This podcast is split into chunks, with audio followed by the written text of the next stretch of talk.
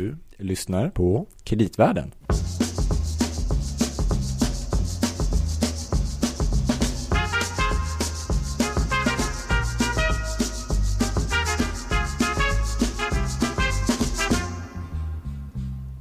God fortsättning Louis. God fortsättning. Mm. Gabriel, trevligt. Mm. Och nytt år. Nytt decennium. Ja, till och med det. Precis. Nya poddavsnitt. Nya poddavsnitt. Mm. Nya prognoser. Ja, Kanske vi kommer få någonting av idag. det skulle det kunna bli ja. Mm. Mm.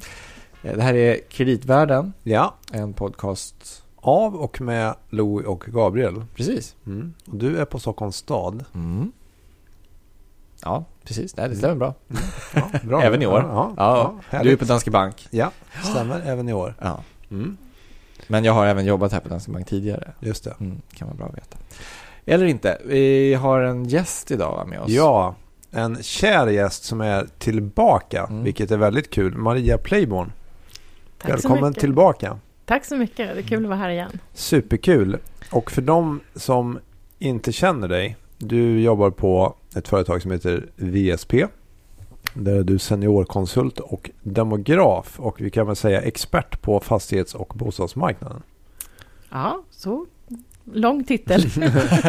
Berätta lite vad det är, vad det är du gör. Berätta lite om VSP också för de som inte vet vad det är för något. Ja, eh, jag är demograf och jobbar framför allt med bostadsmarknadsanalyser och strategier kring bostadsförsörjningsfrågor och så vidare. Mm.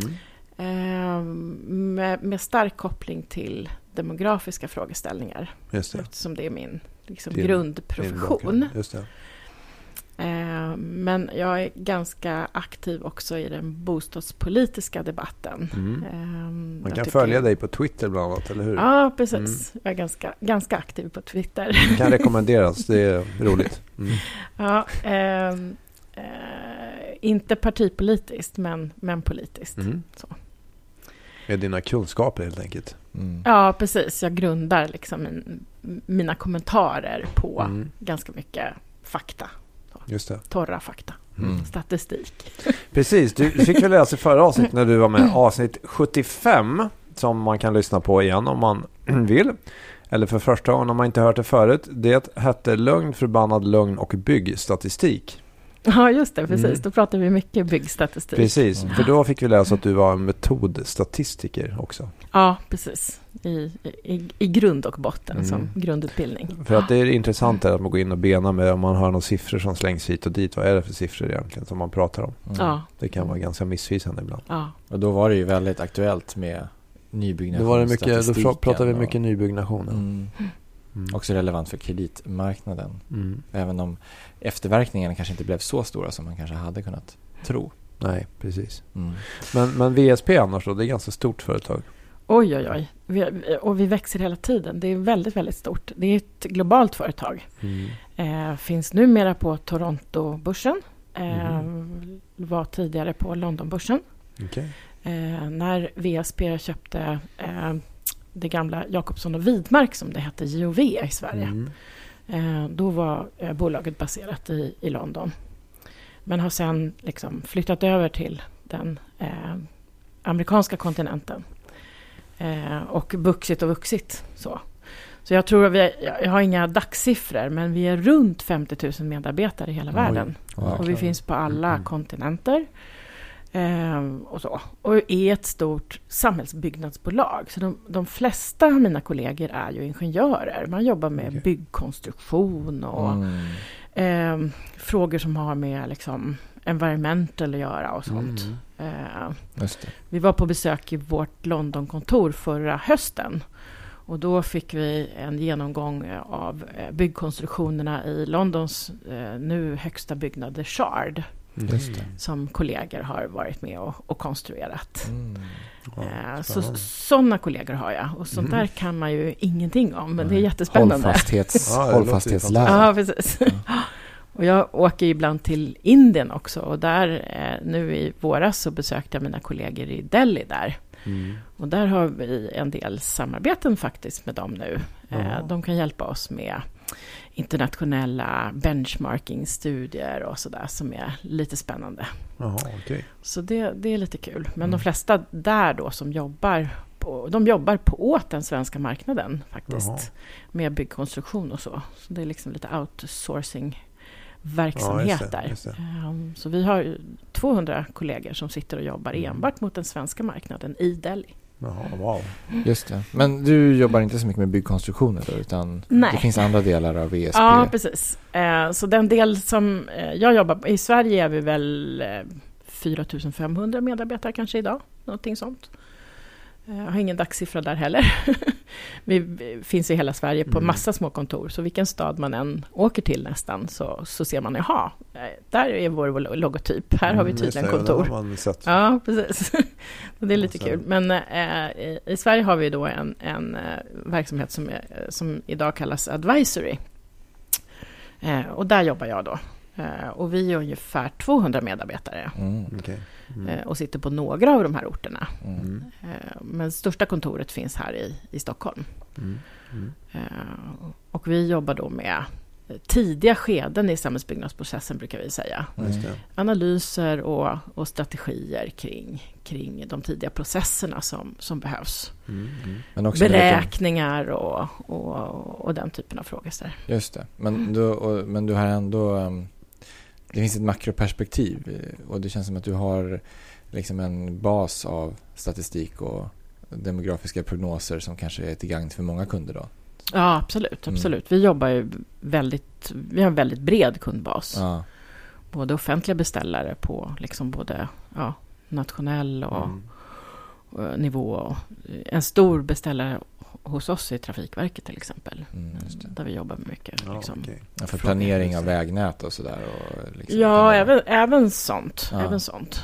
Ehm, Men till exempel, eh, ja, även hur såna här tull, eh, biltullar Ah, ska, hur, hur de kan fungera, var de smartast sätts upp givet vilka mål man har med dem och sådär. Ja, Mm.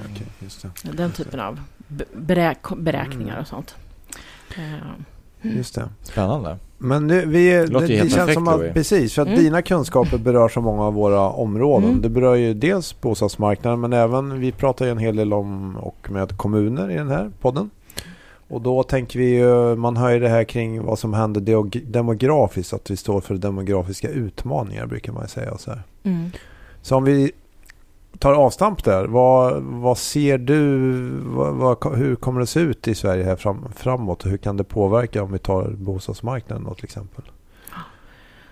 Eh, en väldigt vid fråga, men, men eh, det som vi vet Mm. allra säkrast, Mm. det är att vi har en åldrande befolkning. Mm.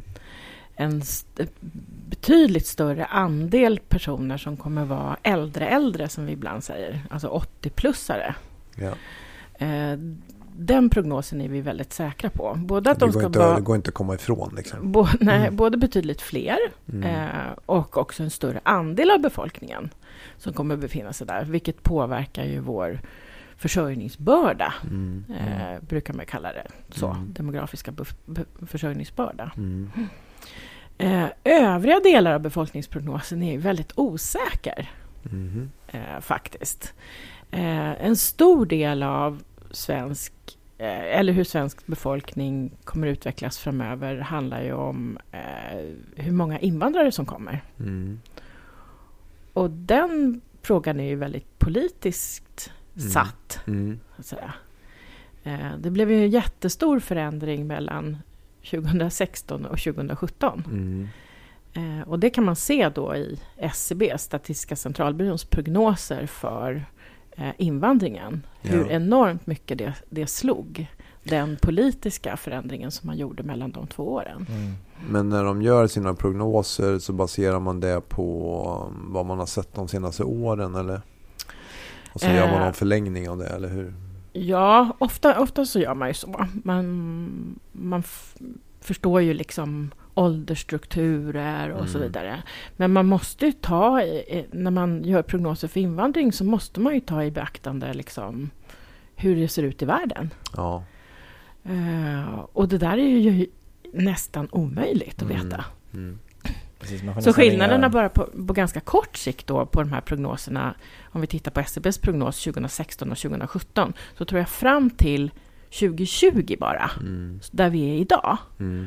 Så var skillnaden i prognoserna 160 000 personer Mm. i Oj, Sverige. ja, det är mycket. Det är ganska mycket. Mm. Och det påverkar ju bostadsmarknaden väldigt mycket. För alla de här personerna är ju liksom nya i Sverige. Och det här ligger till grund sen när Boverket gör, för de säger kanske att det finns behov av ett visst antal bostäder och sånt där.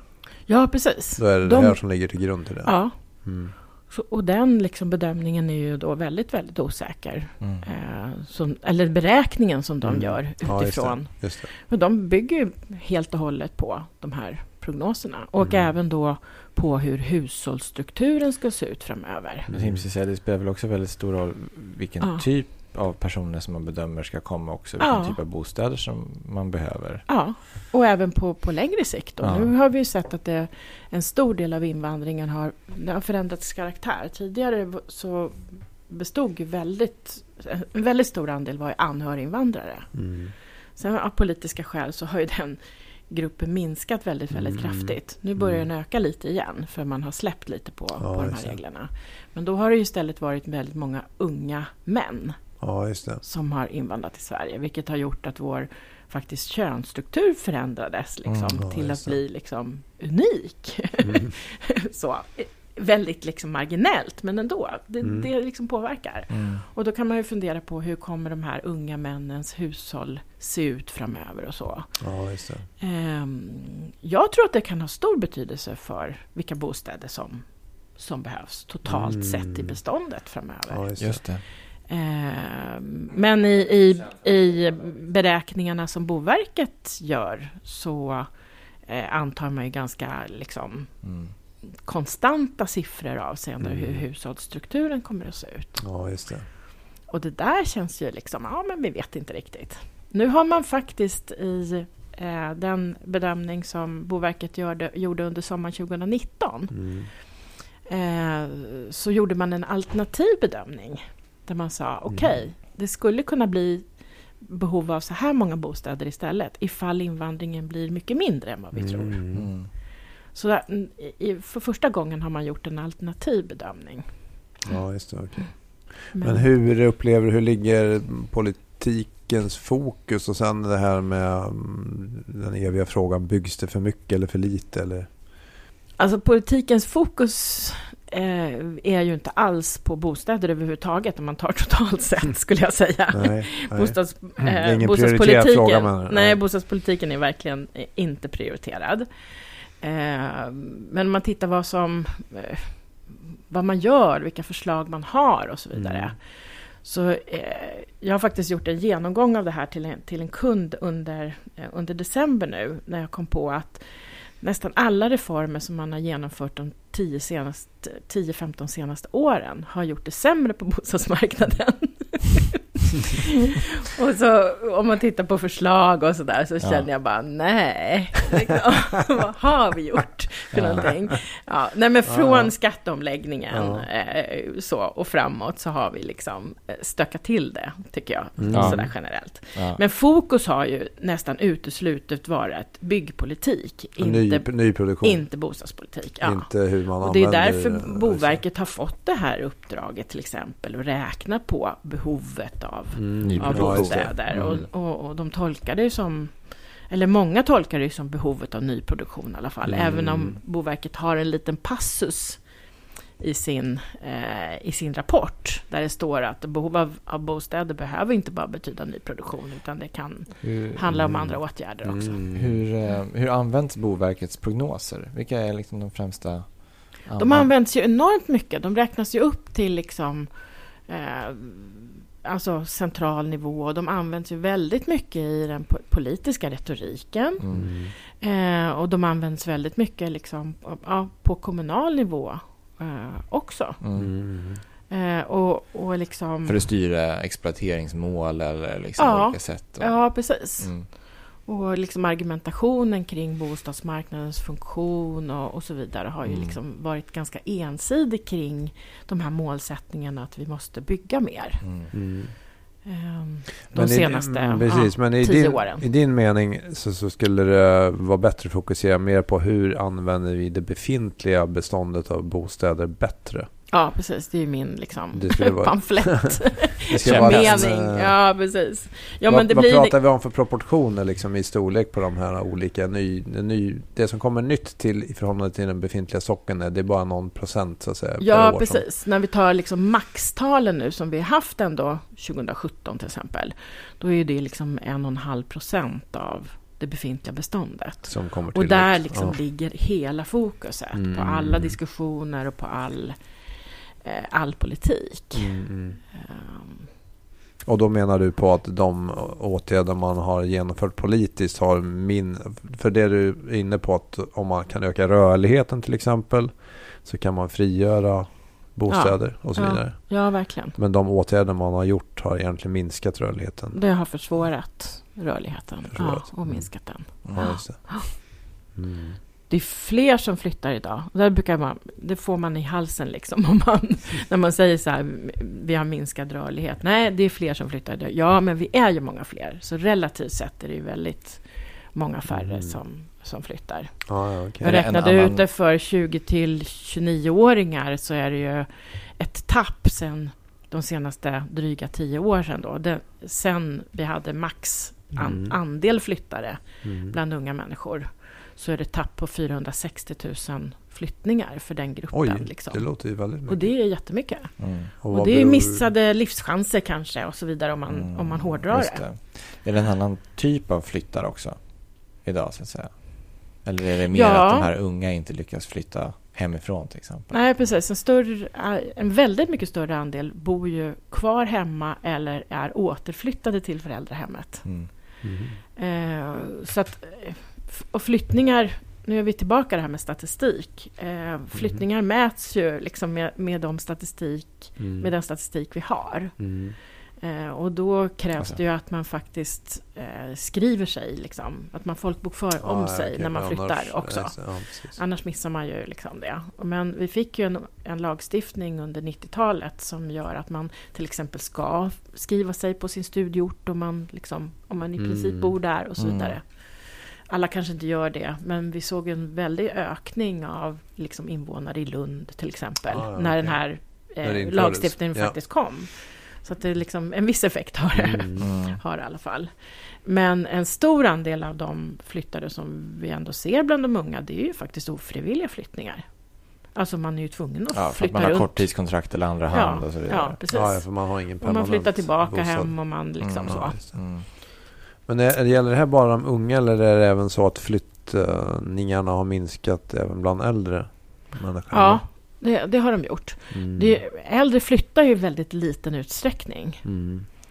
Eh, så av hela flytta, alla flyttade så är ju liksom andelen äldre väldigt, väldigt få generellt. Mm. Man liksom, ja men man, det är ju nästan så att man ska bo kvar hemma. Det är väl ett gammalt bara- ordspråk. Man flyttar inte på någon som är äldre. Eller, men, ja. Vad är det för? Men- Det var inte så klatschigt. Men, Nej, nej, men man är etablerad, man liksom, ja. ja, det är väl en stort stresspåslag också för, alltså rent kroppsligt för en äldre person att flytta. Så Det beror kanske det är på väl vart man flyttar. liksom- Så kan Ja. det i och för sig vara. ja. Mm. Nej, men, det, men alltså, då- och då kanske vi tänker bara på flyttningarna till det, till det sista boendet. Ja, liksom. precis. Eh, Men vi borde ju flytta kanske en gång innan dess. Mm. Liksom.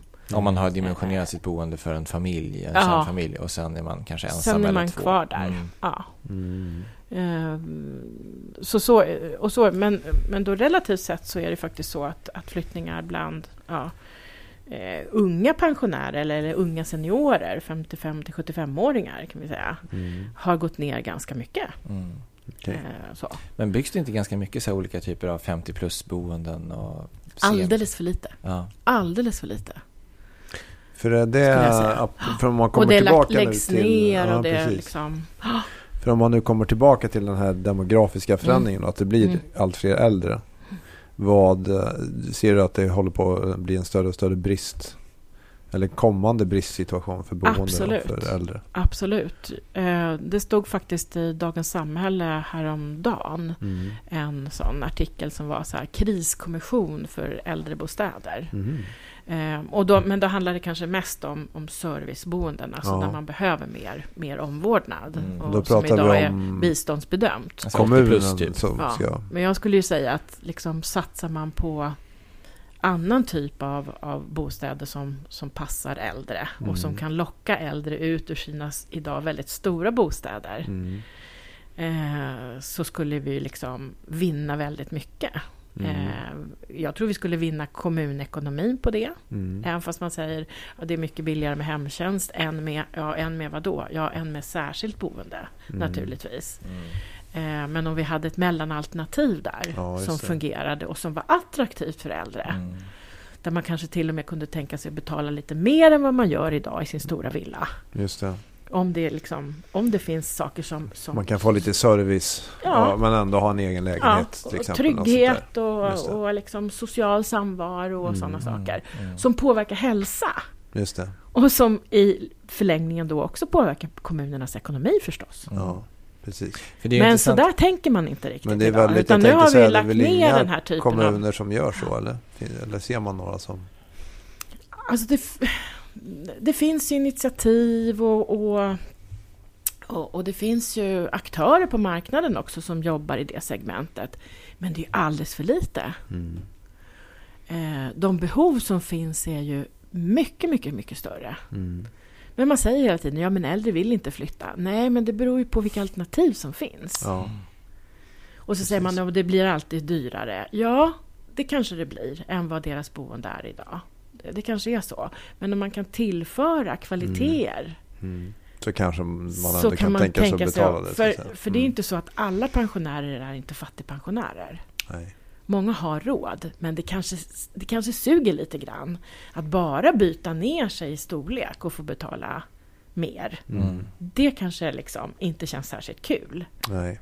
Och göra sig av med grejer och sådär. Ja, men man har ju samlat på sig Mm. under livet Ja, liksom. Mm. men i genomsnitt att ensamstående äldre kvinnor i Sverige bor på över 115 kvadratmeter. I genomsnitt per Oj. person. Frågan det är, Ensamstående äldre kvinnor. Det är ju liksom...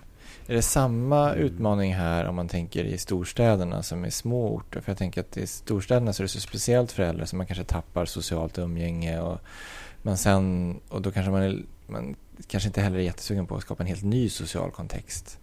Alltså om man sådana här mellanboenden med gemensamhetsytor och sådär. Mm. Jag vet, inte, det kanske tar emot. Men på mindre orter Ja, jag kanske vet det inte. Jag, man, tror vi, jag tror vi har lite fördomar kring äldre. Jag tror äldre också kan vara ganska nyfikna på Ja. nya saker faktiskt. Eh, så. Om man tänker liksom, man behöver inte vara hundra liksom, men, men man tänker äldre som ändå kanske borde flytta. Mm. Eh, men skillnad mellan stad och land, alltså vi gjorde en, eh, VSP gjorde en stor ensamhetsstudie under våren 2019. Mhm.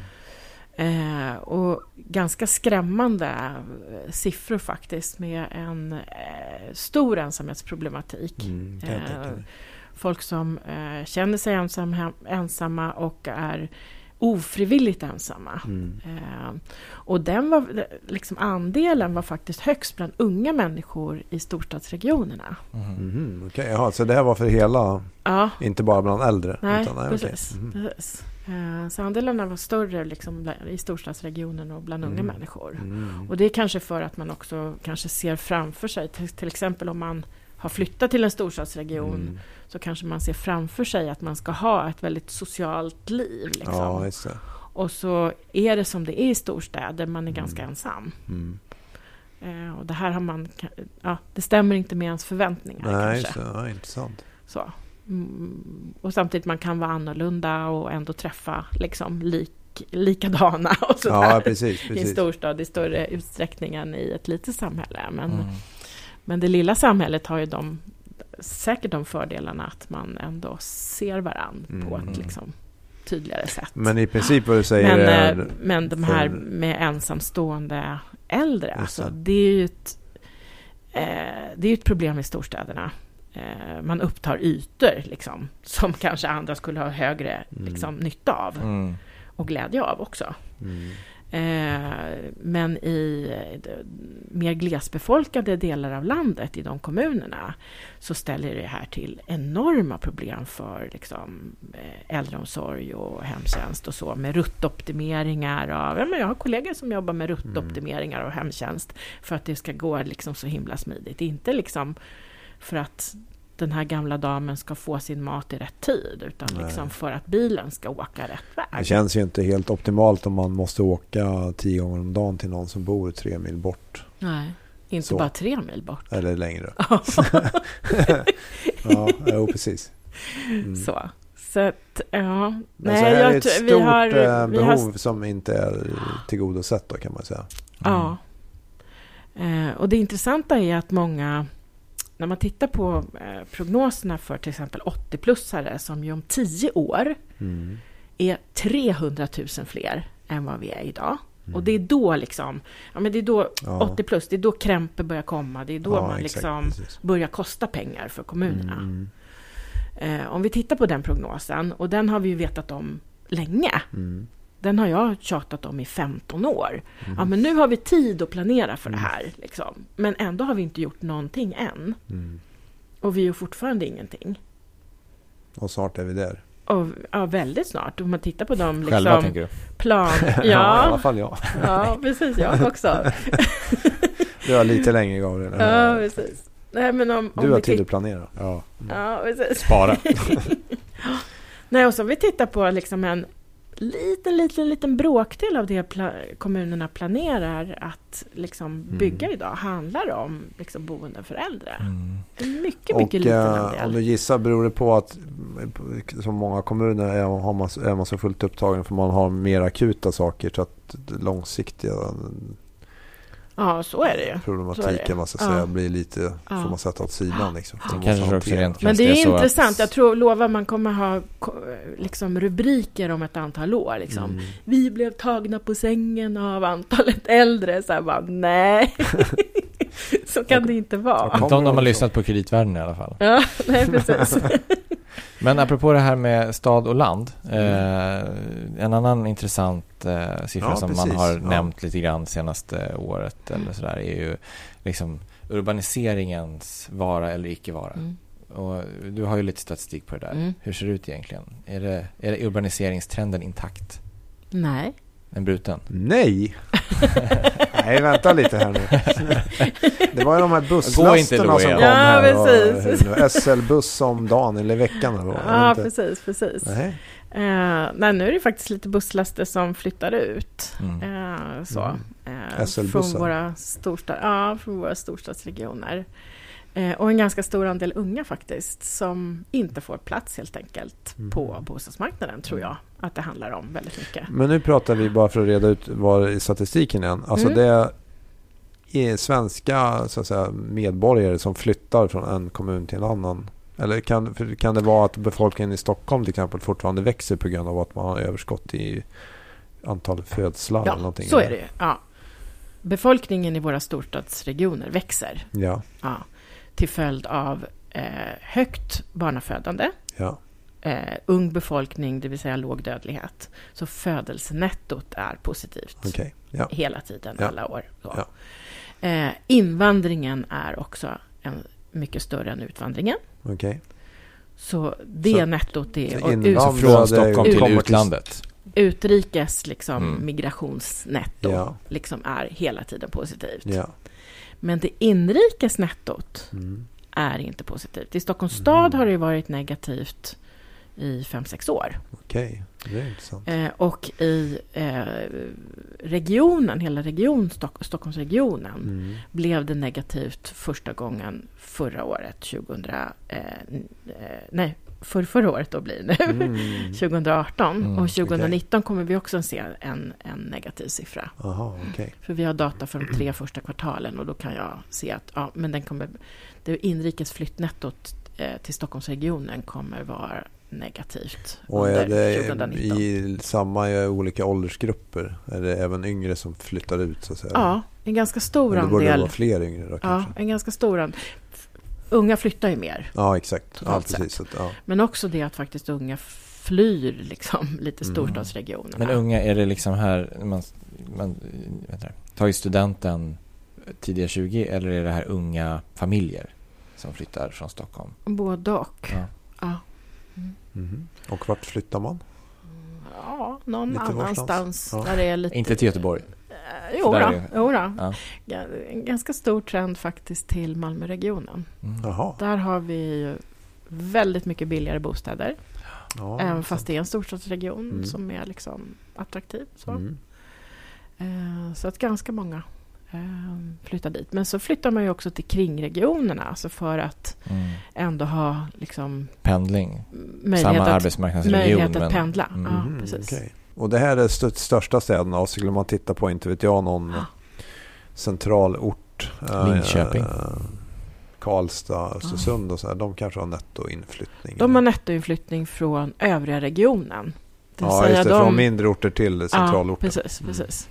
Så det är samma Men sak. strikt liksom urbanisering är ju Mm. faktiskt från en, ett ruralt område till ett Mm. urbant område. Och det har vi inte haft i Sverige från glesbygd till stad. Det har vi inte haft i Sverige sedan 60-talet. Alltså ren strikt urbanisering om vi, om vi pratar om Mm. Det. ja, okej. Utan vi pratar ju ofta om en kommun som Ja, liksom Mm. ja, urban eller icke-urban. Så att säga. Mm. Mm. Du menar, man vill fortfarande bo i villa och så vidare. Det är inte det som är grejen. Utan alltså, det är inte så att alla vill bo i ett höghus. Eller, Nej. Eller är det Nej, det som är riktig urbanisering? Eller vad är... Nej, men urbanisering Men är ju... från landsbygden Ren, till... Definitionsmässigt är ju från landsbygd till stad. Mm. Mm. Och det, liksom, det har vi i Afrika. Mm. Där, där är det verkligen Mm. sådana trender och liksom, ja, i delar av Asien. Där flyttar man från ren landsbygd till stad. Mm. Eh, hos oss i Sverige har det ju varit så sedan 60-talet att liksom, ja, men lite större städer drar åt sig lite mer folk än lite mindre städer. Mm. Alltså man, man, man flyttar från, från stad, stad till stad. Från stad till Ja. stad lite Ja, precis. Just det, just det. Mm. Eller från samhälle, eh, lite samhälle till Det var bra vi redde ut det, för man brukar ju ofta säga att vi har den snabbaste urbaniseringen i Europa eller någonting, tycker jag man hör. så. Ja, precis. Men då har man Det ju... stämmer inte riktigt. Nej, Då har man sin egen definition. Ja, precis. Ja, men, ja verkligen. Och, Mm. och det är faktiskt så att i princip nästan alla kommuner i Sverige växer ju till följd av invandring. Ja, just det. Just det. Mm. Men Så det är innebär det, här de att det blir lite bättre balans då mellan storstäderna och övriga landet? Kanske är det. Jag skulle ju hoppas det på sikt. Mm. För att vi har ju väldigt mycket ytor att använda. Ja, Även ja, bostadsytor Ja, exakt, i de liksom, andra Mm. regioner. Mm. Så, och nu med liksom, andra, möjligheter, andra möjligheter att jobba och så vidare så, Mm. Så borde vi ju kunna utnyttja större delar av landet. Om man tänker också vad man vad vi säger att hur vi vill bo och, och så, så vill alla bo i den här röda lilla stugan men centralt kanske i, i, i Humlegården eller så. och, Men- och, Just det. Men hur ser drömboendet ut? Ja, det är någonting sånt där. Men du, jag tror du brukar säga att det här med trygghet är väldigt viktigt. Ja, det har ju, alltså det hamnar högre och högre upp på listan när man Mm. frågar folk hur de tänker sig, hur de skulle vilja välja boende. Ja. Eh, I Göteborg gjorde man en sån intressant studie. Normalt så brukar man säga vilket område skulle du välja att bo i. Ja, men det ska vara nära kollektivtrafik. Det ska vara nära liksom både kommunal och kommersiell service. Mm. Eh, så. Alltså nära, nära Mm. sådana saker. Mm. Eh, nu var det istället, det ska vara ett tryggt område Mm. som kom upp som första liksom, alternativ. Ja, Och det är ju väldigt talande och intressant tycker jag. Mm, ja, det är det. Eh, trygghetsaspekten är otroligt viktig, både inom bo, bostadens väggar så att säga, men i Mm. bostadsområdet och i samhället i stort naturligtvis. Ja, precis. Men då de här äh, politiska reformerna som jag är inne på. Vad, vad är det som har gjorts fel då som man borde ha gjort annorlunda? Som du sa att man, det har blivit sämre. Vad är det man skulle behöva göra för att det skulle... Alltså det är ju allt från såna enskildheter i när man har förändrat plan och bygglagstiftningen som Mm. när man har en intention att göra det enklare att bygga lite närmare eh, vatten till exempel, strandlägen och så vidare. Eh, så blev det sämre. det blev svårare, det blev Mm, liksom eh, knepigare, det blev mycket, mycket fler undantag eh, och så vidare. Mm. Och det här liksom ställer till det kanske framförallt i, i, inte i storstadsregionerna men i andra delar Just det. Mm. eh, av landet för att liksom kunna kanske... De attraktiva ny- lägena blir ny- svåra att bygga på. Ja, precis. Men det här med rörligheten som vi pratade om då. Och rörligheten, Ah. ja men det ställde man ju till redan i den skatteomläggningen som vi gjorde med... Man tog bort fastighetsskatten, eller tog bort gjorde man inte. Men Nej, men man drog ju ner den eh, Mm. kraftigt. Så att det, idag är det ju billigt att bo kvar Mm. eh, för de allra flesta. Men om man säljer Men så får väldigt, man en, väldigt dyrt att flytta för, för många grupper. Mm. Väldigt kostsamt. Och, eh, alltså, och, och, också ha den, den utformningen på den skattelagstiftningen som vi har idag med uppskovsräntan som ju eh, det här januariöverenskommelsen sa att Ja, man skulle ta, eh, ta bort men uppenbart var de inte riktigt överens om hur det skulle gå till Nej, eller när och hänt, så. nej. så det, och nu inför man då istället eh, det här taket i uppskovet igen Mm. som ju gör att eh, då säger man ja nu eh, höjer vi taket i uppskovet. Ja men det är ju egentligen sämre för nu har vi ju haft ett icke-tak under ett tag Mm. på uppskovet. Och nu sätter man, sätter man det igen då till 3 miljoner. Och det där är liksom... Det känns för vissa. Mm. Eh, även fast de kanske har råd så kommer det ju resultera i lägre Det flyttfrekvenser. handlar väl om incitament. Ja, Så rent, så. rent om man tänker rörelsemässigt så är det bättre med en högre fastighetsskatt när man har sitt boende. Men att det inte är någon stor skatt när man ska flytta så att säga. Lite jag, tycker naturligtvis att man ska betala reavinster. Mm. Det är utformningen på reavinstbeskattningen som jag är liksom negativ till. Mm. Dels att den är evig. Mm. Ja. Eh, uppskovsräntan in, infördes även för, Ja, på liksom, Ja. eh, affärer som var gjort liksom, innan den reformen. Eh, och om, om den ska tas bort idag vet vi inte för vilka den tas bort. Alltså det blir Nej. de här osäkerheterna hela tiden och, och, Mm. och kasten fram och tillbaka som, Mm. som blir väldigt problematiska. Mm. Eh, för hur man liksom, ja, men, man bor, vi svenskar bor ändå ganska länge i våra bostäder. Det vill säga, vi, har ju Mm. låga flyttfrekvenser, bor ganska länge i våra bostäder. Man vill ju kunna planera för det Ja. och förstå hur precis. det kan fungera Just. för ens hushållsekonomi. Mm. Eh, och det kan man ju inte riktigt göra idag, man vet ju inte. En annan... Och det är samma med det, eh, ja, andra delar av beskattningen Mm. då som jag tycker är knepigt. Naturligtvis vill vi inte tillbaka till det läget som vi hade innan reformen. För det, det sätt som fastighetsbeskattningen var utformad då var ju också problematiskt som gjorde att folk fick faktiskt flytta för att de helt enkelt verkligen inte inte hade råd. att bo Ja, kvar. eh, eftersom grannen hade sålt sitt hus dyrt. Mm. Och det känns ju också lite Mm. problematiskt tycker jag. Mm. Eh, Jag har någon inkomstprövning kanske eller någonting. Eller? Ja, man hade ju det delvis liksom på, Mm. på eh, för då hade vi ju också förmögenhetsskatten som kom in och där Ja, var det ju liksom en, eh, en test mot vad du faktiskt hade för möjligheter att betala Mm. ändå. Eh, Men- Men liksom, ja, Mm. En vettigare utformning på Ja. de här. Just det. Så de här bosparande för unga och sånt där, det vet jag att ni har studerat någon gång. Ja, Det skulle kunna vara något som skulle kunna hjälpa till för de här förstagångsköparna. ja, alltså Sverige är ju unikt att vi inte har eh, undantagsregler för de som ska in på bostadsmarknaden. Mm. första gången. Vi har inga som helst undantag för dem. Eh, när vi sätter våra liksom, eh, regler för eh, ja, hur, man, hur man ska skapa ett ska- kapital helt enkelt. Just det. Belåningsgrad och Ja, amorteringar. ja. Mm.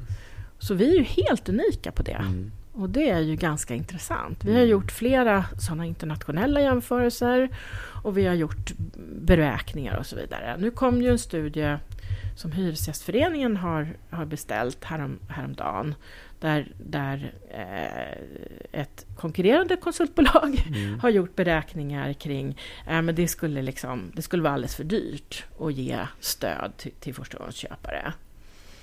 Eh, och då har man tittat på ja, de mer direkta effekterna. Men, men samhällsekonomiskt och på längre sikt tror jag att det skulle vara otroligt gynnsamt att se till att unga människor liksom... Att det får Ja. så många andra positiva effekter. Om. Ja, ja. Mm. Stötta eh, i att spara innan man köpt sin bostad. Ja. Och inte bara tvinga att spara efter man har Nej, köpt sin precis. bostad. För Precis. det är det vi gör idag Precis. med amorteringskravet. Mm. Och det Mm. blir väldigt bakvänt tycker jag. Mm. Och i en del av livet också när man liksom, ja, kanske har svårast att, att, att Mm. göra de här eh, sakerna som, man Ja, liksom, som både man själv och som, som samhället behöver. Mm.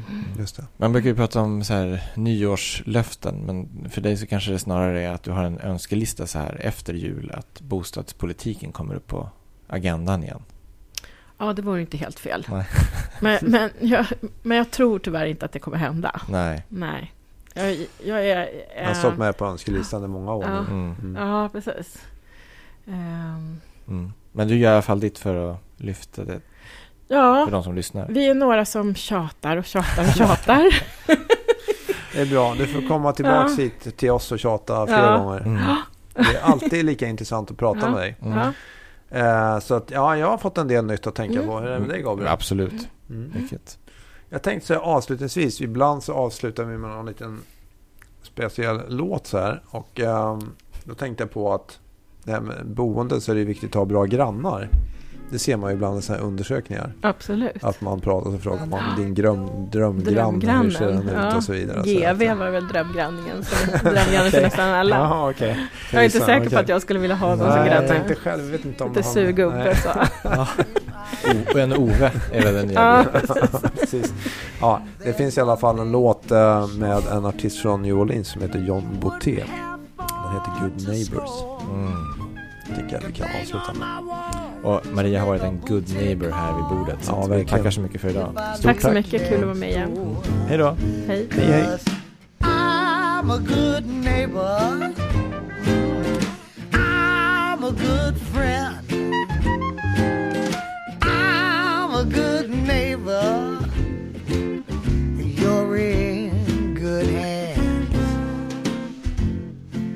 It starts to rain, I'll come and clean your drain.